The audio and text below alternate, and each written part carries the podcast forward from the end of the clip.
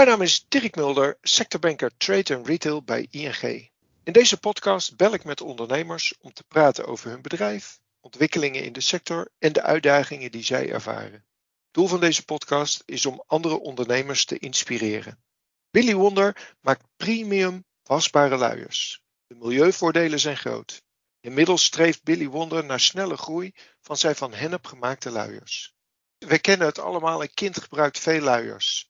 Volgens berekening wel zo'n 22 kilogram per maand. Op dat afval wordt zo'n 95% bespaard. En ook nog eens een keer 95% van de grondstoffen worden bespaard. Hoe dat precies zit, ik praat erover met Steve Fleur, oprichter en creative director van Billy Wonder.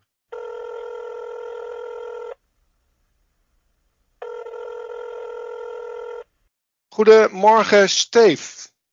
Hi, goedemorgen. Goedemorgen. Ja, laten we maar direct beginnen. Kun je wat vertellen over jezelf? Uh, over mezelf. Nou, ik ben uh, founder van Billy Wonder. En van huis uit ben ik eigenlijk documentairfotograaf. Dus ik ben op een hele andere manier hier ingerold. Maar ik wilde graag het beeld van de wasbare leier veranderen toen ik voor het eerst moeder werd. Uh, dus heb ik Billy Wonder opgericht. Uh, destijds als reseller van bestaande merken. Uh, en inmiddels hebben we een pivot gemaakt naar, van uh, multi naar mono brand. En hebben we in februari 2020 onze eigen collectie op basis van hennep gelanceerd. Hoe ben je op het idee gekomen dan? Nou, ik heb als documentairfotograaf heel veel onderzoek gedaan naar zowel de marihuana als de hennepindustrie wereldwijd. En zo heel veel over die grondstof geleerd. En toevallig ook op een van die reizen in Californië heb ik uh, voor het eerst van mijn leven wasbare luier gezien. Toen dacht ik, nou, als ik nou ooit kinderen krijg, dan wil ik dat ook. Want het ziet er zoveel natuurlijker uit dan, ja, basically een wrap in plastic. En toen ik uiteindelijk zwanger raakte, toen zei ik dat tegen mijn man. En die zei, ja joh, leuk, gaan we doen. Die is eigenlijk nog veel duurzamer dan ik. En ik ging het tegen onze omgeving zeggen. En dan met name de uh, ouder, vrienden uh, die al kinderen hadden. En die zeiden allemaal, gadverdamme, wat ga je doen? Eeuw. Wacht maar totdat die kleiner er is. En het is zoveel werk, ga je echt niet aan beginnen. Ga je spijt van krijgen. En toen zei ik, ja, weet je hoe het er eigenlijk uitziet? En dan zeiden ze allemaal, ja, is toch zo'n doek met zo'n speld? Nee, lieverd, dat is de jaren 60. Toen reden wij in een Deux We rijden nu in een Tesla. Ook die luier heeft wel wat ontwikkelingen doorstaan. Uh, maar toen ik zelf echt online aan onderzoek begon wat ik nou wilde hebben of gebruiken, toen kwam ik er eigenlijk achter dat dat outdated image wat iedereen in zijn hoofd heeft, dat dat bevestigd werd in plaats van ontkracht. Nou ja, beeldvorming was natuurlijk mijn vak. Ik ging uh, een kind krijgen, dus ik ging minder reizen. Kon vast nog wel een bedrijf bij oprichten. Uh, en dat heb ik gedaan. Destijds met de compagnon zijn we toen Billy Wonder gestart. We verkochten bestaande merken die ik dan fotografeerde. En dan hadden we een mooie nieuwe website bijgebouwd. Um, en zodoende en zo gaandeweg dacht ik, hmm, ik vind het een heel mooi product. Maar ik zie ook wel verbeterpunten op een aantal uh, onderdelen. En dat is dan het systeem van de luiers, uh, het materiaal gebruikt. Ik dacht echt, hoezo wordt dit niet van hennep gemaakt? En, uh, en de esthetiek wilde ik iets meer mature hebben dan, dan er op dat moment was. Dus dat vond ik heel belangrijk. En toen ben ik eigenlijk begonnen met een, een haalbaarheidsstudie. om te kijken of ik luiers van 100% hennep kon maken. Dat kon nog niet wel een blend met biologisch katoen. Uh, en uh, toen in uh, maart 2020 kwam ik net uit mijn verlof van COVID. En dacht ik, of, of, nee, ik kwam uit mijn verlof. maar het werd COVID. Dus ik dacht, ik ging mijn dochter naar de opvang. En de dag dat ik dat ging doen, ging de opvang dicht. Dus Nee, en uh, ik had wel een hele agenda, waar was ik heel trots op. Een uh, hele agenda voor de hele zomer al vol met werk uh, als fotograaf. Het werd allemaal afgezegd. En toen zei mijn compagnon, ik stop ermee in diezelfde periode, wat niet uit de lucht kwam vallen. Toen dacht ik, help.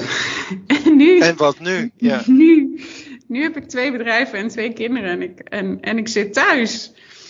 Uh, dus toen heb ik uiteindelijk met een business coach mezelf en die twee bedrijven ondersteboven gehouden.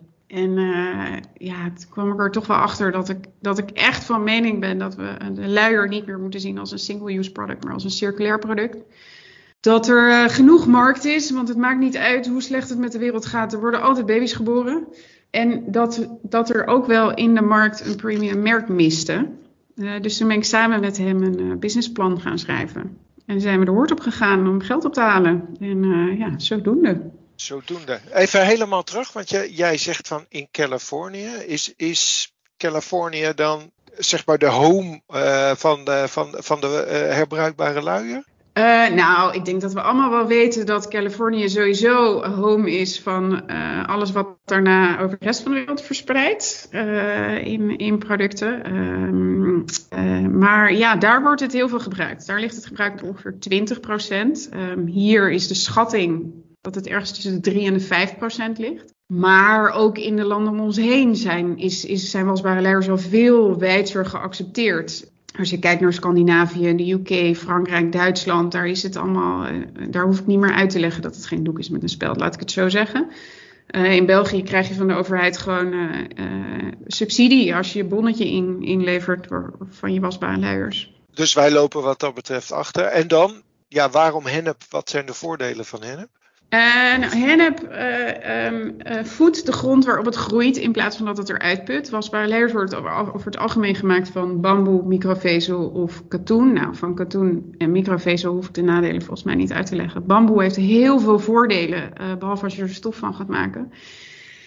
dan wordt er toch wel een vrij heftig chemisch proces is er voor nodig om van die bamboe stengels vezels te maken voor stof. Um, Hennep heeft um, veel minder water nodig. Het heeft veel minder grondoppervlak nodig. Dus eigenlijk de, de, de yield per vierkante meter ligt veel hoger. Het heeft geen pesticiden nodig. Um, en uh, het haalt meer CO2 uit de lucht dan bomen. Um, dus wat dat betreft, dat is voor het, het proces voordat het een luier wordt. En als luier is het gewoon het best absorberende materiaal. En het werkt antibacterieel. Uh, jij zegt aan de ene kant heeft het een voordeel voor het milieu, ja. maar zoals je aangeeft, heeft het ook een voordeel voor het kind. Uh, Zeker, ja. En dat wist jij, of ben je gaandeweg daarmee? Hè? Want je zei zelf van ja, ik heb onwijs natuurlijk onderzoek gedaan naar hennep. Dus je was bekend met het product en de ja. voordelen daarvan. Ja. De voordelen voor een kind, denk ik, wat minder dan. Nou ja, maar dat hebben we eigenlijk in de tijd geleerd dat we dus al reseller waren. Er waren wel merken die bijvoorbeeld hennep boosters, zo heet dat, maakten. Dus dat was dan een extra laag die je in je luier kan leggen. En dan zeiden ze wel bij, ja, dat absorbeert het allerbeste. Maar de, de verdere collectie is van microvezel van bamboe. Uh, en toen op een gegeven moment dacht ik, ja, oké, maar waarom dan niet gewoon van hennep?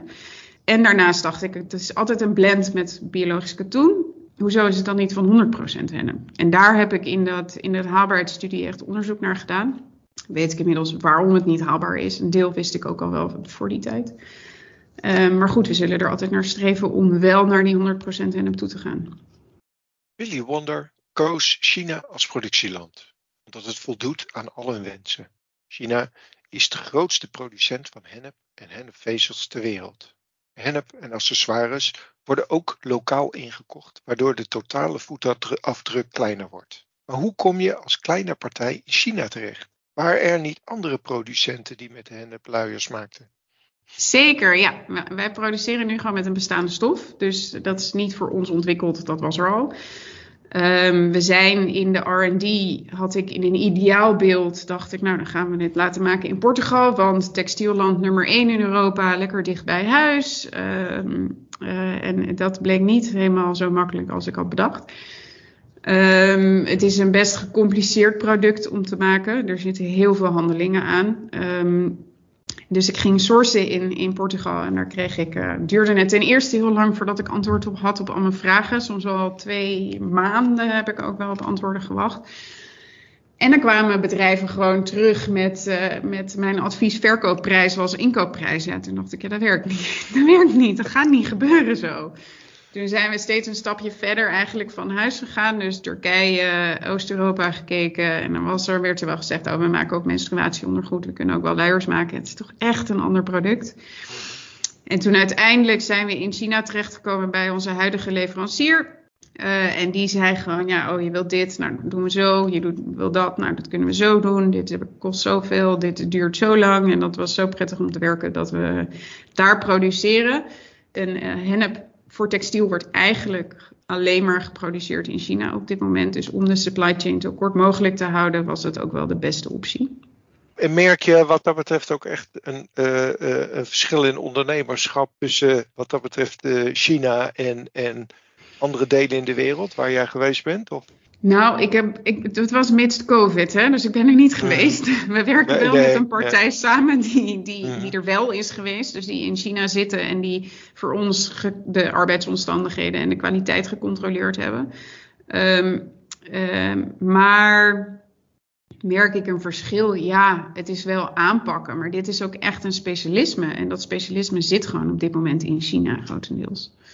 Maar volgens mij zeg je van ze hadden niet uh, de, de productie, deden ze nog niet. Dus ze zijn het voor jou gaan. Oh, ze deden het al nee, wel. Nee, ze deden het al wel. Ja, ja, ja. Het is gewoon een bestaand product. Ze maken best wel wat luiers per jaar al. Dus daarmee kan ik ook schalen op het moment dat dat nodig is.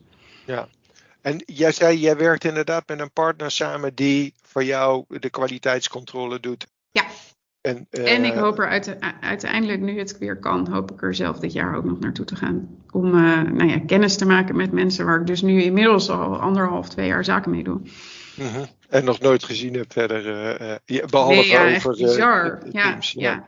ja. Maar er komt ook dan een stukje van mijn, mijn documentaire hart komt daar naar boven drijven. Want ik wil natuurlijk ook verhalen maken over de mensen die het maken dat blijf je er nog naast doen, uh, wat dat betreft. Ja, ja, als ik daar op bezoek ga, dan ja, zeker. Ja, ja. En ik denk dat dat ook een heel grote meerwaarde voor ons bedrijf kan zijn. Zeker. Volgens mij draait uh, succesvolle business om storytelling. ja. ja, dus absoluut mee eens. maar vandaar, dan heb je op een gegeven ogenblik heb je een product. nou kan ik me voorstellen dat ik de overstap maak naar de consument. Maar laten we eerst eens kijken, want hoe verkoop je het product? Uh, we verkopen op dit moment uh, via onze eigen webshop, het meeste. Um, en uh, we, hebben twee winkels nu, één in Amsterdam en één in Badhoevedorp die het verkopen. Dat is een beetje een trial, ook van oké, okay, hoe reageert de consument erop? Wat zijn de vragen die gesteld worden? Hoe kunnen we dat tackelen in, binnen de displays die we ontwikkelen? Um, en dat gaat hartstikke goed. Uh, en daarnaast verhuren we via uh, een verhuurplatform ook de luiers. Daar ben ik ook benieuwd naar. Kom ik straks eventjes op terug. Helemaal goed. wat, wat dat, zijn, dat zijn dus retailers waar jij uh, je product verkoopt. Fysiek ja. of online? beide. Beide, ja. Beide, ja. Uh, want dan gaat het erom van ja, hoe vertel je dat verhaal aan de consument? Je zei al in het begin hè, van ik kreeg uh, vanuit mijn omgeving natuurlijk al een, uh, een e enorme ja, reactie. Getper. hoe, hoe vertel je dat verhaal? Uh, nou, dat is dus wat we zijn gaan testen de afgelopen maanden. Hoe gaan we dit verhaal zo overbrengen en hoe gaan we de mensen die in de winkel staan zo opleiden dat ze dus die vragen kunnen beantwoorden. Um, die getver van mijn inmiddels zes jaar geleden uh, uh, is wel iets minder getver geworden. Want inmiddels weten ouders, de meeste ouders zeker wel wat van, van wasbare luiers. Um, hebben het voorbij zien komen. Denken, oh, wacht, oh, dit, oh, zo ziet het eruit. Dus dat maakt wel een heel groot verschil. Uh, en uh, eigenlijk zit de basis erin uh, het tackelen van de, de twee meest grote ja, aannames over wasbare luiers. En dat is dat je de hele dag aan het wassen bent en dat je tot aan je oksels in de stront staat als je moet verschonen. Um, er zit een klein inlegvelletje in wat ontlasting opvangt, wat je weggooit met ontlasting. Dan gaat de luier in een netje en dat hele netje gaat in de wasmachine. Dus je hoeft die luier nooit meer aan te raken. En dat, zodra, zodra dat verteld wordt, dan, dan komt er een soort zucht van verluchting over uh, ouders en aanstaande ouders heen. Uh, dus dat valt, valt best wel mee. En dan inderdaad bespaar je heel veel. Want aan de andere kant kan je zeggen, ja, elke wasbeurt dat uh, heeft ook weer impact op het milieu. Uh. Ja, nou gelukkig hebben we niet eens zelf daar een lifecycle analysis voor hoeven doen. Maar dat heeft, is in opdracht van Rijkswaterstaat onlangs gebeurd. daarin komt uit dat afhankelijk van de apparatuur die je gebruikt, dus zeker de, de ehm, uh, de, de, druk op het milieu zit bij wasbare luiers op, het gebruik, op de gebruikersfase, uh, daar waar die bij wegwerpluiers op de productiefase zit. Um, dus het is zeker afhankelijk. Als jij je wasmachine uh, drie keer laat draaien met vijf luiers erin en je hebt hele oude apparatuur, dan komt eruit dat het slechter is dan een wegwerpluier. However, dat zal je niet zo snel doen. Je draait een volle trommel. Um, uh, je draait nooit een trommel met alleen luiers. Je, je, uh, voor de droger in ieder geval niet, als mensen een droger gebruiken. Uh, je draait één kort koud wasje van 15 minuten en dan kan je het eigenlijk al aanvullen met je gewone was. Nou ja, als je al die betere was, ja, wascyclussen aanhoudt, dan kan het tot 80% beter zijn voor, voor het milieu. Wat komt uit deze lifecycle analysis? Uh, however, we hebben zelf ook even een kleine berekening erop losgelaten wat het nou doet als je helemaal op renewable energy zou draaien. En dan is het gebruik eigenlijk verwaarloosbaar zelfs. Dan is de grootste belasting is het inlegvelletje wat erin zit. En wat je uh, met de ontlasting weggooit. Uh, ja. ja. Um, en de voordelen voor het kind? Um, is met name dat kinderen eerder zindelijk zijn met wasbare Want ze voelen, ze, vo Want ze, ze voelen wat er gebeurt. Ja, ja, ja. En dat is niet iets. Het, een wasbare luier is nog steeds met hennep we hem dus vrij slank kunnen houden, omdat het beter absorbeert. Het is uiteraard nog steeds iets groter dan een wegwerpluier, want het kan niet uitzetten en weer inkrimpen. Um, dus het maar het is niet iets waar kinderen oncomfortabel van worden. Het is misschien het verschil tussen de allerdunste yoga legging en een, uh, en een, uh, en een spijkerbroek. Nou, daar zijn we ook allemaal aan gewend. Uh, en kinderen voelen dat ze nat worden. En dat is ook niet iets waar ze oncomfortabel van worden. Het is ook niet iets waar ze rode billen van krijgen, wat heel veel mensen denk, denken. Want dat is juist Diaper komt juist door wegwerpluiers en niet door wasbare luiers. Maar ze voelen wat er, dat er iets gebeurt. Dus er wordt een soort link gelegd met de hersenen. Um, dus gemiddeld gezien zijn kinderen met wasbare luiers veel eerder zindelijk. Zo waren mijn twee kinderen zindelijk met 20 maanden. Oké. Nou ja, goed. Ik, uh, vroeger was het volgens mij ook altijd zo. Hè, dat had je alleen maar wasbare luiers en waren kinderen ja, ook. Uh, zeker. in de jaren 30 was de gemiddelde leeftijd een jaar. In de jaren 60 ja. anderhalf. En in de jaren 90, dat zijn de laatste cijfers die gemaakt zijn, uh, 3,2. Ja. Ik weet zeker dat het inmiddels 3,5 is. Ja, ja dat zou mij niks verbazen. Um, hoe vind je je consument? Hoe bereik je je consument? Um, op dit moment uh, met name via social media en via onze samenwerkingen. Dus we zijn uh, live gegaan uh, met, met Jennifer Hofman als ambassadrice bijvoorbeeld. We hebben een collaboration met Nina Pearson uh, en op die manier uh, creëer je eigenlijk de meeste brand awareness. Um, daarnaast zijn we samen met vier andere mooie duurzame kindermerken het Tropenjaren-platform begonnen. Omdat wij zelf heel erg als ouders hebben gemerkt dat op het moment dat je kinderen krijgt, je echt in een warboel van informatie aan terechtkomt. En uh, de een zegt A en de ander zegt B. En ze zeggen alle twee dat het enorm slecht of enorm goed is voor je kind. Um, het Tropenjaren-platform willen we eigenlijk ouders aan de hand nemen. In welke keuzes kom je nou voor te staan als je kinderen krijgt? En hoe kan je die keuzes zo duurzaam mogelijk maken? Daarmee kunnen we een beetje slagkracht ook creëren als kleinere merken. Uh, en daarmee kunnen we ook bijvoorbeeld uh, bij verloskundige praktijken terechtkomen. We hebben een hele mooie kalender gemaakt waar dus precies op staat voor welke periode van nu nog alleen uh, het kind, maar straks ook de zwangerschap. ja, welke keuzes je voor komt te staan wat je moet regelen bijvoorbeeld. En, uh, en hoe je al die keuzes zo duurzaam mogelijk kan maken. Willy Wonder doet het grootste deel van de verkoop via de eigen website. Voor de logistiek werken ze samen met Cycloon, die de pakketten op een duurzame manier thuis afleveren. Hoe moet ik me dat hele proces voorstellen? Uh, ja, wij doen zelf de pakketjes. En we hebben uh, gelukkig een aparte kamer voor de luiers. We zitten op een, in een heel mooi anti-kraakpand midden in Amsterdam. Heel chic, zo'n beetje in het Vondelpark. Ehm, ik weet niet hoe lang nog, maar het is fantastisch. Um, nee, ja, wij doen op dit moment de verfilmment helemaal zelf. Met name omdat het heel goedkoop is, omdat we heel goedkoop zitten. Daarnaast verkopen we met name kits. En uh, in die kits zitten losse items. Uh, en we hebben nu nog niet voldoende cashflow om zowel kits als losse items in te kopen. Dat uh, verwachten we dat dat in, vanaf, nee, vanaf begin 2024 is dat wel zo. als we dat met een fulfillmentpartij zouden doen, zouden we voor ieder item wat in die kit gaat een, een bedrag moeten betalen. In sommige kits zitten 42 artikelen. Ja, dan gaat het gewoon niet gebeuren. Nee.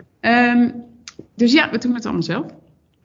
Ja, voor zolang nog het, uh, het lukt en het gaat, uh, denk ik dan, ja. ja, daar heb ik natuurlijk gewoon wel mensen voor die dat voor me doen. Ja, dus weet, ik, wel, weet ik. Ja. Zo nu en dan pak ik ook wel eens iets in, omdat het ook wel heel leuk is. En ik moet ook wel zeggen dat ik het fijn vind, zeker in zo'n begintijd, om gewoon die producten door mijn hand te laten gaan. Ja, uh, eventjes helemaal terug naar het begin. Jij zei van wij zijn begonnen uh, zeg maar als een soort van multi-brand store. Dus je bent eigenlijk merken gaan verkopen. Op een gegeven ogenblik ben je omgeschakeld naar, mono, uh, naar je eigen ja. merk. Kan je daar, je hebt er net wel iets over gezegd, maar kan je daar iets meer over vertellen?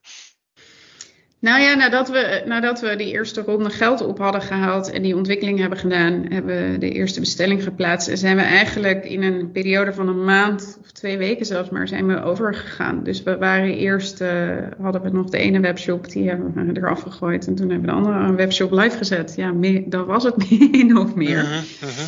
En uh, ja, daarin verkopen we gewoon nu onze eigen merk met onze eigen systeem en onze eigen esthetiek en grondstof. Omdat ik, in mijn ervaring is dit gewoon het beste.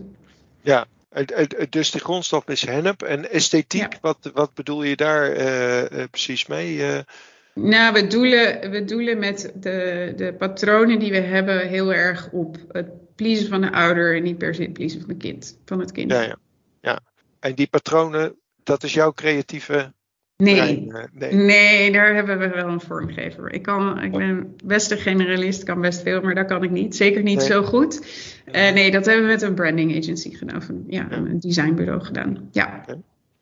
Nou, zei je in het begin ook iets over huur. Ik, ja. Huren van luiers, daar kan ik me niet heel veel uh, bij voorstellen. Wat, uh, ja, dat doen we samen met, uh, samen met Tiny Library. Zij verhuren ja, kinderartikelen, kinderwagens, um, bedjes, van alles en nog wat. Alles wat je nodig kan hebben. Dat is ook een van de medeoprichters van de Tropenjaren. Um, omdat je heel veel dingen eigenlijk maar een hele korte periode nodig hebt. Dus je wil dat kopen is eigenlijk echt zonde van zowel uh, jouw portemonnee als het milieu. Um, en um, zij verhuren ook onze luiers voor ons. En daar is best wel veel vraag naar. Oké, okay, en dat, dat betekent dus in principe dat ik een bepaalde tijd gebruik maak en dan krijg ja. jij ze weer terug. Uh, ja. uh, en dan ga ik zeggen, get her.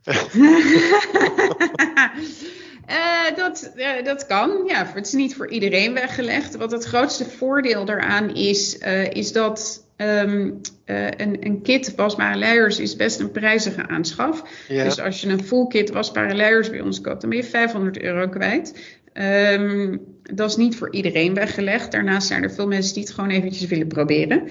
Um, en ja, gadver, het wordt gewoon door jouw wasmachine hartstikke goed schoongewassen. Uh, we geven wel uh, mensen die een, nieuw, een, een nieuw, nieuwe of dus gebruikte kit binnenkrijgen, die was je wel even een keer goed schoon in je eigen wasmachine voordat je ermee opstart. Um, maar goed, zo gaan we nu bijvoorbeeld ook uh, zijn we bezig met wasbare luiers op kinderdagverblijven. Uh, en die worden ook gewoon industrieel gewassen. En de ene keer het ene kind zijn, de andere keer het andere kind. Ja, ja, ja. Jij slaapt ook in bedden goed waar andere mensen in ja, slapen. Ja, de, in hotels. Dat is, nou ja, goed, dat is goed om dat uh, zo even te duiden, om het zo even ja. Wat meer in perspectief te plaatsen. Want jij zei net 500 euro voor een kit, dat is, dat is ja. inderdaad best wel veel geld. Wat, wat zit daar dan in die kit? Dan heb je eigenlijk voldoende luiers om uh, fulltime wasbare luiers te gebruiken. In het begin verschoon je nog iets vaker, dus haal je dat niet, maar dan was je twee keer in de week. Um, en dan heb je dus altijd nog genoeg luiers in de la liggen als je aan het wassen bent. Um, en dan hebben wij een twee maten systeem, dus je begint met maat 1 en gaat daarna over op maat 2. Het zijn 24 luiers, 4 voor s'nachts en 20 voor overdag. Dat is best veel. Maar goed, als nou ja, kijk, twee... het, is, het is twee kits, dus 24 maat 1 en 24 maat 2. Ja, ja, uh, een ja. kind gebruikt tot aan de zindelijkheid ongeveer 6000 wegwerpluiers. -hmm. Dan kan en je, deze kit kan je dan vervolgens ook nog voor een tweede en uh, waarschijnlijk ook nog wel een derde gebruiken. Ja. Ik kan me nog wel herinneren, wij hadden inderdaad de hele zolder vol liggen met, uh, met luiers wat dat betreft. en dan moet je ze ook nog goed inschatten. Ehm, want in principe begrijp ik een beetje dat het, de luier bij wijze van spreken meegroeit met het kind. Ja. Ja. ja, dus onze maat 1 is van, uh, van newborn, dus van 2,5 kilo tot een kilootje of 8. Klein beetje afhankelijk van het postuur van het kind. En dan ga je over naar de maat 2, die is van 8 kilo tot ongeveer, nee, tot aan de zindelijkheid. Um, iets langer, afhankelijk natuurlijk van hoe, uh, hoe oud je kindje zindelijk wordt. Ja. En daarmee kan je de, de, de absorptievermogen kan je aanpassen. Dus je kan er meer of minder uh, absorptievermogen inklikken. En je kan een overbroekje kan je op maat maken. Waardoor het, de luier altijd meegroeit met je kindje. Ja. Als je nou terugkijkt, waar, waar ben je tegenaan gelopen? Uh, nou, de sourcing. uh, dat vond ik echt een taaie. Mm-hmm. uh, lange levertijden vind ik ook. ja, China heeft het voordeel dat het wel haalbaar geproduceerd kan worden financieel. Maar het is ook niet in een dag, ligt het hier op de verstoep. Dus, Hoe ver moet je van tevoren bestellen dan? ja, wel drie, vier maanden moet ik vooruitkijken. Ja, en, en dan zegt zo'n uh, zo'n leverancier van goh, uh, hartstikke leuk, kleine partij. moet je dan een minimum aantal bestellen? Of hoe, hoe ja, maar omdat we met bestaande stoffen werken, um, zijn die minimum aantallen vrij laag. Daarom hebben we er ook voor gekozen om met bestaande stoffen te starten. We zijn nu bezig met de ontwikkeling van eigen stoffen. En dan vervolgens zeg je cashflow?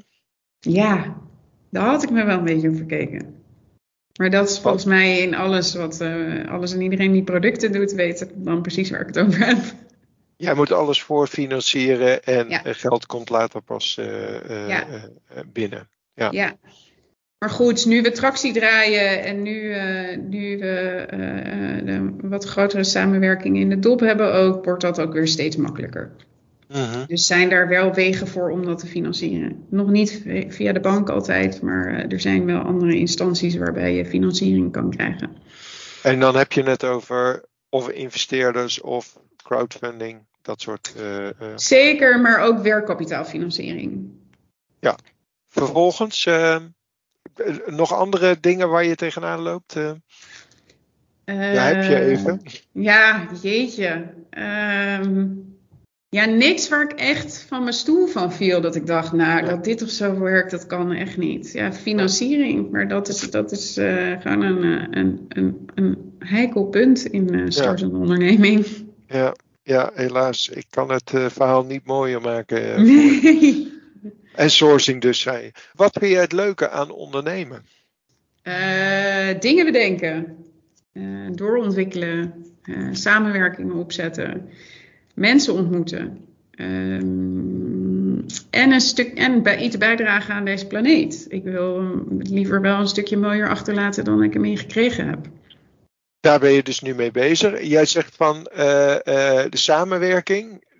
Dan de samenwerking met Tiny Library? Of met de Tiny Library, maar ook met de uh, samenwerking die we hebben met Nina Pearson, een, een collectie. Uh, er komen nu twee nieuwe collecties aan met twee nieuwe hele toffe moeders. Uh, we zijn bezig met uh, de zinnelijkheidsapp De Pot op om kinderen ook weer eerder, om ouders te helpen om kinderen eerder zinnelijk te maken. En er loopt nu een fantastische pilot met Partout, wat het grootste kinderdagverblijf is van Nederland, waar nu de eerste kinderen een maandje of vier in de wasbare luiers lopen. dat ontwikkelen, op poten zetten, ja, daar ga ik wel harder van lopen, ja. En dat zijn ook de nieuwe dingen die je, uh, waar je op doelt? Of ben je ja. nog met andere uh, producten bezig, uh, aanpalend ja, aan waar je ja, nu mee ik heb wel zo'n brein wat nooit stilstaat. Wat denkt, okay. oh ja, dit, oh ja, dat. En zo'n lijstje in de cloud met, oh, als we dan daar zijn, dan wil ik dit. En als we dan daar zijn, dan wil ik dat. Ja, zeker. Ik bedoel, ik noem mezelf niet voor niks creative ja. director, want dat staat nooit stil. Ja. Uh, maar ja, de focus moet wel even blijven op, uh, op sommige milestones die wel dichter uh, in de buurt zijn. en weer verder kijken. En als je daar op terugkijkt, welke milestone zeg je van, oh, daar ben ik echt heel trots op?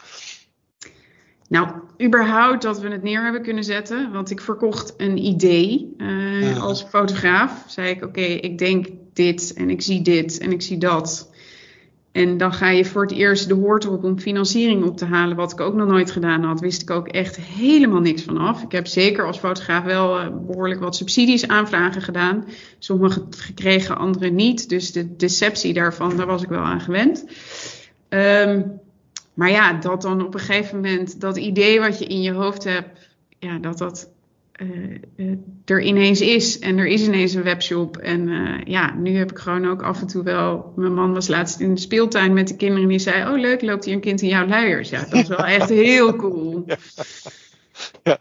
Ja, dat kan ik me voorstellen. Uh, en dat ga je natuurlijk steeds meer zien uh, uh, straks. ja. dat, is, dat, dat is wel de ja, ambitie, ja. Dat is de ambitie. Nee, ja, en ik denk deze, de, de, de aparte propositie die we nu voor kinderdagverblijven aan het ontwikkelen zijn, daar ben ik ook best trots op dat dat, ja. dat, dat loopt. Ja.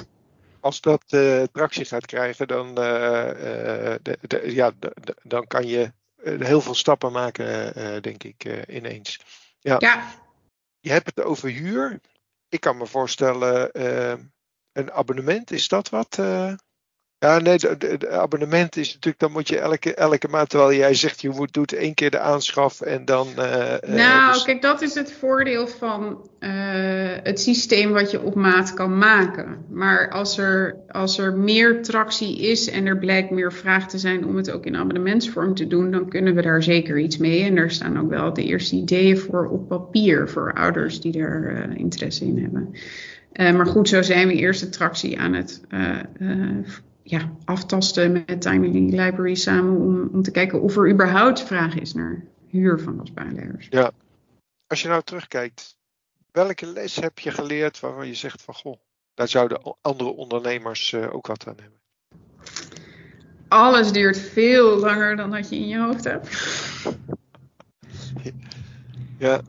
Um, maar ook wel, er is echt heel veel mogelijk.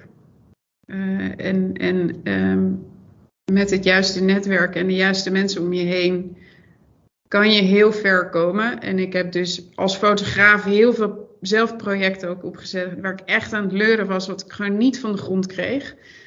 Um, en hier merkte ik eigenlijk gelijk vanaf het begin dat ik mijn eerste idee uh, een beetje uh, ging klankborden bij mensen om me heen, dat er zoveel energie vrij kwam dat dat goed voelde en dat ik daar dus ook voor ging. Dat ik dacht, ja, oké, okay, je kan het ook wel aanvoelen aan de mensen om je heen. Was ik dan ja. vroeger iets minder gevoelig voor, inmiddels iets meer. Maar waarschijnlijk ook omdat ik het een paar keer heb gehad dat het niet lukte.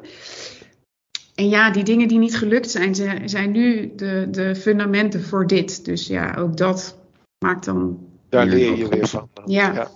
Ja, hartstikke goed. Dank, Steve voor dit uh, leuke gesprek. Graag gedaan. Uh, ik ben weer in uh, een nieuwe wereld meegenomen. ik wens je heel veel succes met de verdere ontwikkeling. en ik ben ervan overtuigd dat het, dat het gaat slagen. Dankjewel. Deze podcast maakt onderdeel uit van een serie gesprekken met ondernemers uit de sector trade en retail. Meer podcasts en informatie over de sector vind je op ing.nl. Wil je nou zelf een keer meedoen aan een podcast? Mail me dan op dirk.mulder.ing.com.